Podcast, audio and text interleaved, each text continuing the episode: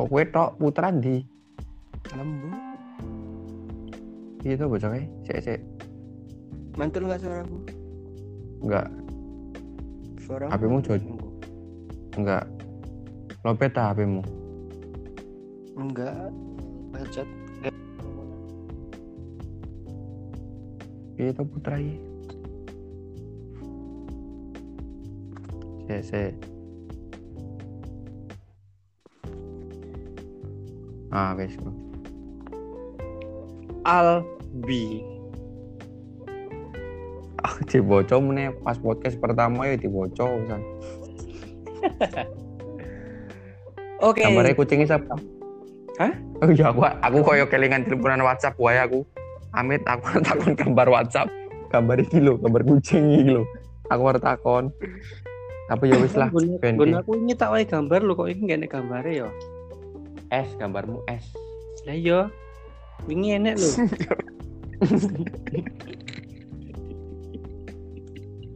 Aku lo melu guyu karo omonganku. Ayo. ya wes, buka bib. Beb, gue nang jero atimu kuwi jane pengen ngomong gatel gue kita ta. Harus disampaikan. Ya wes, ya wes, ya wes, ya wes, ya wes, ya wes. Eh, Assalamualaikum warahmatullahi wabarakatuh. Selamat malam buat para pendengar semua.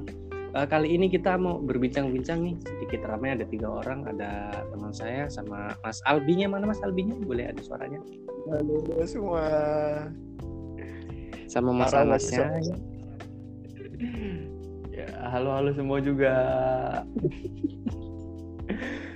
Oke, eh, kali ini kita mau bahas-bahas apa nih kira-kira abang-abang sekalian?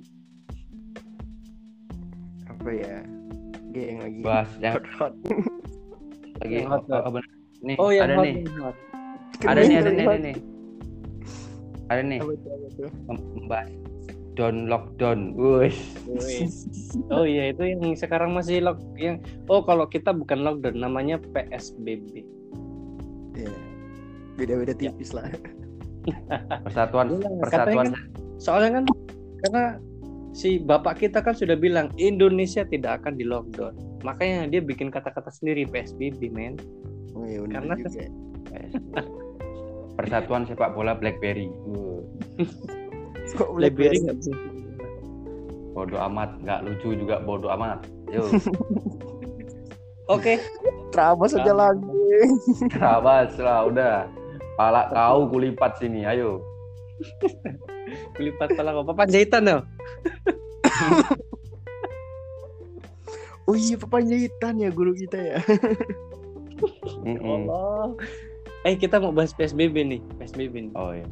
Jadi bicara masalah PSBB, pembatasan skala besar-besaran atau pembatasan berskala besar. Apa sih kepanjangannya? PSBB.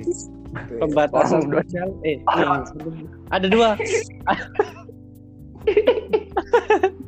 ada dua, ada dua, ada ada dua tipe manusia di Indonesia. PSBB.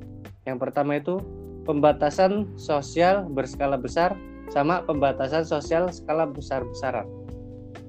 Eh, pembatasan sosial besar-besaran. Jadi yang benar yang mana? Dibilang, dibilang PSBB, PSBB itu persatuan sepak bola BlackBerry ngeyel dari tadi.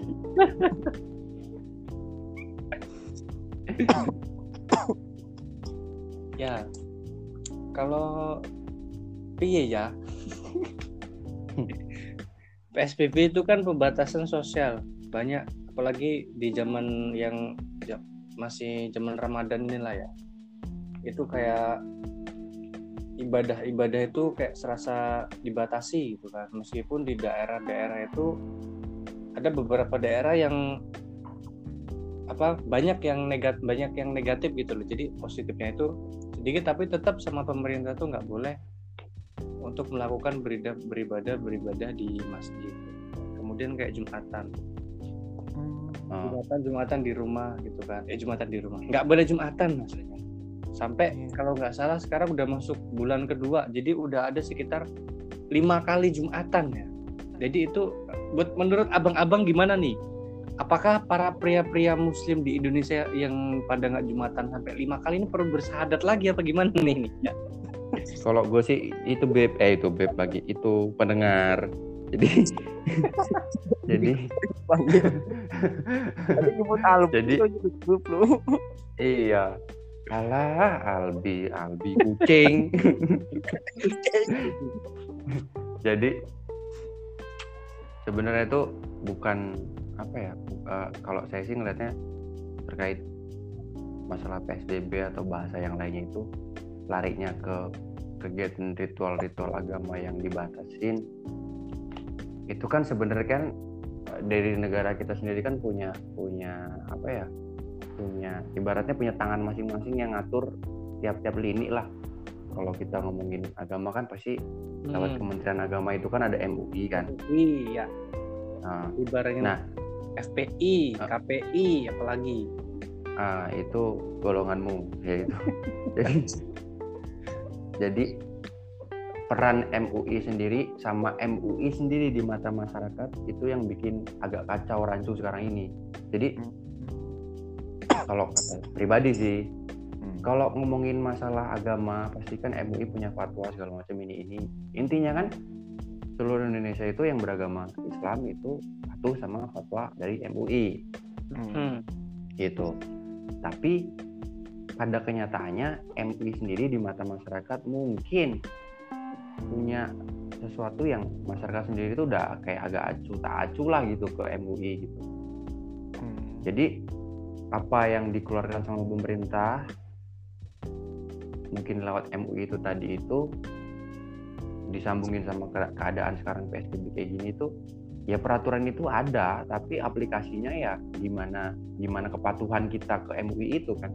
Sebenarnya kalau emang MUI sendiri tuh punya punya punya tempat di masyarakat maksudnya punya oh bener-bener gue ini patuh banget nih sama MUI nih apa pun yang diomongin gue nurut. Karena agama itu kan pasti kan ada. Hmm. Ada apa ya imamnya lah bahasa simpelnya gitu. Kita harus nurut apa yang dibilang dia. Pasti semuanya bakal ikutin meskipun itu dilarang jumatan pun kalau mereka punya sesuatu dalil atau eh, eh, pandangan yang bagus di mata masyarakat itu nggak jadi masalah. Tapi kan kenyataannya benar-benar eh, macam-macam nih ada yang iya ada yang enggak itu dari dari dari situ sih masalahnya sih kalau kata saya sih gitu Hmm. gitu pendengar Pendengar. Hmm, balik lagi sebenarnya kalau masalah ini balik lagi ke ilmu fikih lah ya Uh, gila dalam banget nih. dalam nih kan Iya. kalau secara fikihnya itu bisa Mas Habib mungkin PSBB ya. Bukan pikir sebenarnya sih. Aku ng- ngikutin keadaan aja sih. Sempat beberapa kali ngeliat berita juga kan Ustadz, Ustadz Abdul Somad pernah bilang nggak salah kok ditanyain tentang hal itu. Terus beliau jawab apa gitu? Intinya sih nggak apa-apa kalau misalnya nggak sholat. Kan ada ada bener-bener ada kebutuhan yang mendesak. Ya contohnya kayak corona ini. Tapi aku pernah pergi ke suatu tempat gitu masjidnya ya. Itu di ini loh lakban masjidnya jadi kalaupun kita ke sana tuh udah ada tempat kayak jaraknya sendiri sendiri mungkin Hmm, jadi buat berjamaahnya tapi berjarak gitu ya? Ah, berjamaah tapi berjarak. Aku pertama bingung aja dari situ aku mikir oh iya musim corona mungkin untuk sholat taraweh jumatannya mungkin dikasih jarak gitu. Tahu nggak di mana? Di mana? Ke dalam. Hmm, kalau gue juga pernah tuh beb eh beb lagi pendengar. Oh. jadi saya ke masjid. Nah, itu bukan lagi di di di isolasi bukan lagi di lakban. Tapi digembok apa Beb. masjidnya? Masjid nah, karena lagi rawan maling beb. Takut amplinya kecolong beb. Oh, gitu. Enggak. Nah, itu Nah. lockdoor ya bukan lockdown lockdoor bodo amat terabas lucu nggak lucu terabas ayo kita lanjut lagi kawan-kawan ya jadi eh, intinya kalau nggak jumatan itu diperbolehkan lah ya istilahnya. asalkan itu dengan dalil-dalil yang jelas Iya. Dan mungkin Ah. bagi dalilnya beberapa beberapa masjid bisa ngelakuin hal yang sama dengan mencoba memberikan jarak. Sebenarnya sih ini lebih ya obrolan kita kayak gini sebenarnya lebih ke keresahan yang ada di masyarakat gitu. Jadi ya kalau yang ngedengerin pengen punya solusi atau uh, inti permasalahan yang bakal bisa diambil gitu solusinya itu tadi kayaknya ya nggak begitulah karena kita cuma ngangkat keresahan-keresahan yang ada aja gitu. Kayaknya sih gitu sih. Ya, mungkin karena nggak nggak kita bukan ahli yang di, di sana mungkin bagi pendengar ada cerita-cerita menarik lagi kan? Dari daerah masing-masing. Kan beda-beda toh. kita kenapa dikasih di para pendengar? Iya, Mboan mungkin bisa jadi bahasa perjalanan. oh jadi gini nih. Tadi saya mau sedikit menanggapi. Hmm. tadi dari eh, saudara Albi ya pendengar. Tadi bilang kalau di suatu masjid ada yang dikasih lakban-lakban Hmm. Itu berarti berjarak gitu ya Hmm. maksudnya lakban itu dia dikasih spes-spes setiap orangnya gitu Iya, sekat biar orang nggak tahu deket. Hmm, sedangkan kalau kita sholat berjamaah aja itu kan pernah lah ya sholat berjamaah kemudian waktu Dani apa imamnya imam itu pasti bilang kayak gini "Eh, mohon rapatkan barisan karena apa namanya eh, apa rapatnya barisan adalah apa salah satu syarat kehusuan sholat atau Rukun. gimana gitu ya gitu kan ya Rukun pernah kan pasti dengar kayak gitu eh syarat syarat eh, syarat eh. syaratnya kan salah satu syarat itu pasti merapatkan barisan. Terus kalau kayak gitu gimana? Nanti imamnya bilang, "Eh, tolong apa disenggangkan barisannya gitu iya masa kayak gitu kan? Ya mungkin kan fleksibel ya. Biar Ah, ini tapi kalau masalah dirap nggak dirap disenggangkan itu kayaknya malah eh, kalau berjamaah boleh tah gitu kan sedangkan jamaah itu kan harus nggak boleh jarak. Karena kalau ada jarak di antara setengah badan aja itu isinya udah setan biasanya kan gitu kan. Mantep banget. bener kan?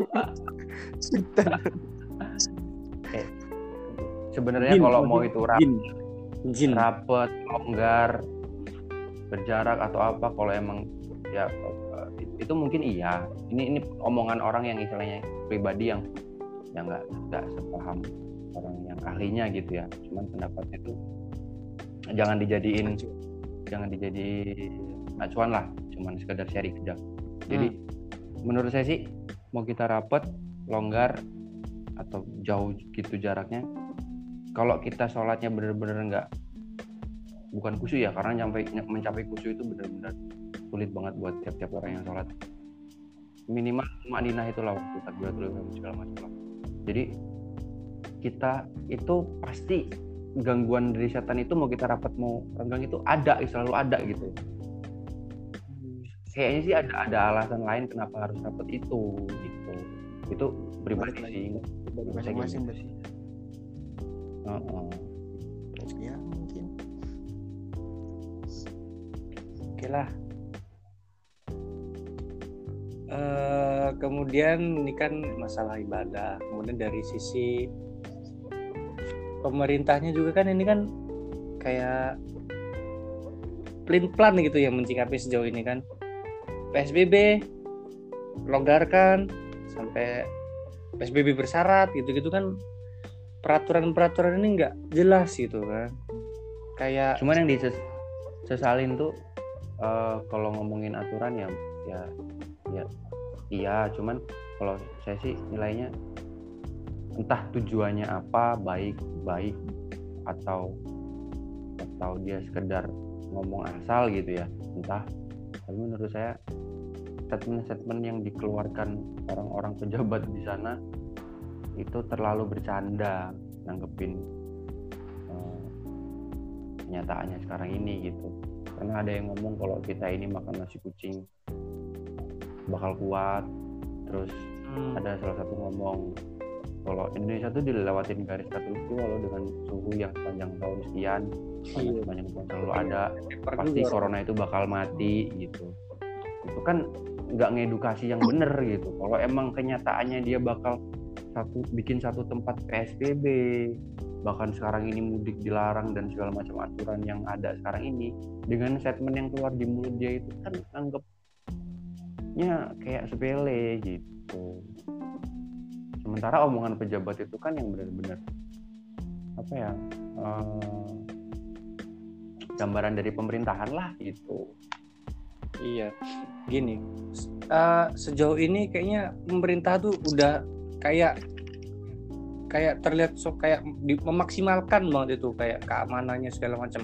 Tapi nyatanya sampai pada detik hari ini juga itu sudah menembus angka 18.000 jadi sehari itu bisa sampai 400 sampai 500 orang yang terindikasi. Itu belum yang tidak terindikasi. Jadi apa dari apa namanya kayak PSBB ini hasilnya mana gitu bahasanya kan? Kayaknya sia-sia gitu kan? Tapi bukannya baik lagi ke ini ya masyarakatnya walaupun udah dibilang PSBB tetap aja masih ya buktinya kayak di kota-kota gede deh. Sebagai contoh kampung yang tercinta juga masih rame-rame aja. Sedangkan kayak kemarin ribut-ribut di Soekarno Hatta juga yang katanya jual apa jual izin ini ya bebas covid ya. Izin nah, ya kan surat permasalahan lagi. Ya aku sih sebesar negara Amerika aja kelabakan apalagi kita mungkin kalau kayak Korea hmm, Selatan hmm. yang hmm. kecil sekolah apa tempatnya mungkin bisa diatur sedemikian rupa ya. Cuman kayak Indonesia yang wow. Jadi kan sulit untuk dibuat buat kayak gitu. Kita orangnya beragam ya. Orang dari Sumatera ke Jawa beda pola pikirnya jadi tapi cuman emang aku emang agak telat sih Indonesia apalagi ribut-ribut hard komu apa hard imun yang dengar dong hard immunity hmm. yang katanya salah satu langkah untuk terlalu gampang kayak ada cara yang lebih Halo, Mas Albi suaranya hilang. Halo, halo.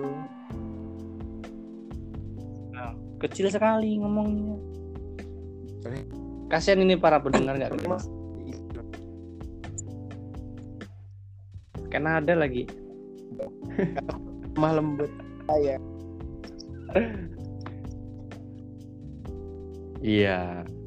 Sinyalnya ya. bosok Pantesan. Oh ya 18.010 terkonfirmasi. Sembuh 4.324, meninggal 1.191 sampai detik hari ini.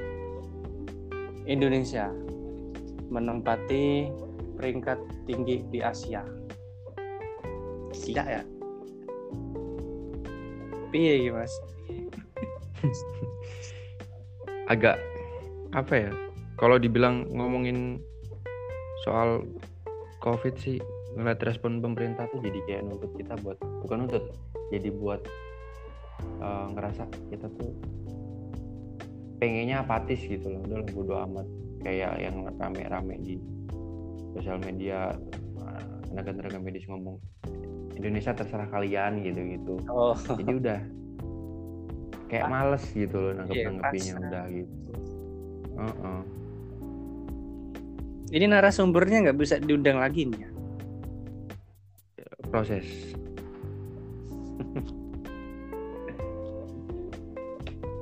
tapi uh, gini. Di situ di wilayah wilayah yang sekarang ditinggal ini kan tempat tempat abang sendiri gitu. Itu kan kayak PSBB berlaku nggak? Maksudnya ada upaya-upaya dari masyarakat menjalankan PSBB nggak di situ? Kalau pemerintah kota pemerintah daerahnya sih uh, pemerintah kota sih karena kota Cilegon nggak ada sih nggak ada nggak ada PSBB cuman himbauan-himbauan pada umumnya kayak di kota-kota lain aja. Cuman kalau uh, swadaya masyarakat di beberapa tempat ada yang satu perumahan ini uh, harus begini harus cuci tangan masuk tiap masuk rumahan harus masker apa pun itu yang lainnya itu ada.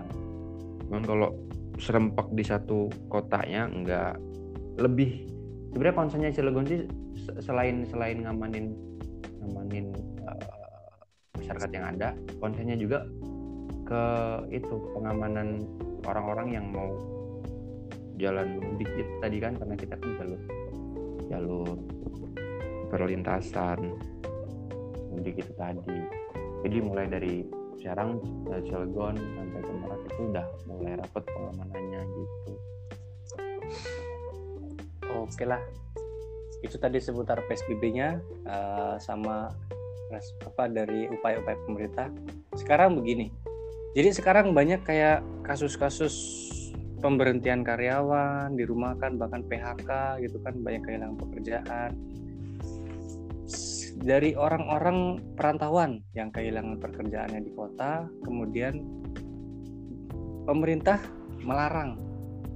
Kan tidak boleh sampai pulang gitu kan yang dikabarkan bahkan sampai ada yang nekat tapi tertangkap gitu kan untuk pertama-tama kemarin masih diperingatin kemudian sekarang kan terkena denda tuh. Jadi itu sebenarnya kalau dibilang walah itu upaya untuk pencegahan tapi justru malah jadi senjata makan tuan buat masyarakat sendiri ya. Sedangkan untuk bantuan-bantuan sendiri itu sampai sekarang pun masih banyak yang belum tersampaikan tersalurkan. Itu yang kurang dari pemerintah sebenarnya kayak mana itu ya? Mas Abi nya nggak ada lagi. Ya, yang kurang dari pemerintah itu kejujuran. Hmm. Iya itu sih. pribadi sih cuman itu sebenarnya kalau ngomongin upaya upaya bener-bener yang bakal berpengaruh besar banget ke masyarakat itu ya dari masyarakat sendiri caranya apa bikin masyarakat itu percaya sama pemerintah berarti dari pemerintah dong pemerintah harus buat masyarakat percaya sama mereka Uh, uh, tapi kan tindakan, maksudnya tindakannya itu kan dari masyarakat sendiri. Maksudnya actionnya oh. itu dari masyarakat. Cuman caranya gimana? Itu tadi bikin rakyat itu percaya sama pemerintah. Sementara kenapa rakyat, kenapa apa upaya dari yang dari pemerintah dilaku, yang dilakukan pemerintah itu, kenapa mungkin sampai sekarang grafiknya masih naik, uh, yang positif masih naik? Itu karena tadi mungkin rakyatnya nganggap pemerintah kurang serius. Hmm. Tuh. Jadi kalau dari pandangan Mas Aldi gimana nih? Halo. Ya, cek cek cek sound cek cek. Can you hear me? Uh, Beb. Captain, gitu ge. Yes. Beb. Beb. Parah. Oh, Bumi Jaya sinyalnya jelek. Parah. Sinyal parah, Om. Aduh, ya sayang sekali pemirsa. Seperti apa dengar para pendengar kalian uh, salah satu narasumber kita sepertinya kehilangan sinyalnya. Aduh, ya. Beb. Yuk, mau gimana nih? Beb.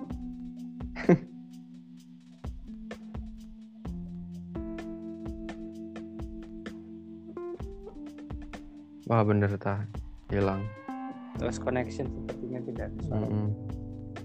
Ya sudah ditutup saja dulu kali ya. Mm -hmm. Dilanjutin. Coba dibuka lagi. Oke, sedikit berbincang-bincang dengan para narasumber kita yang sungguh hebat-hebat sekali. Nanti kita lanjut di episode selanjutnya. Terima kasih. Assalamualaikum.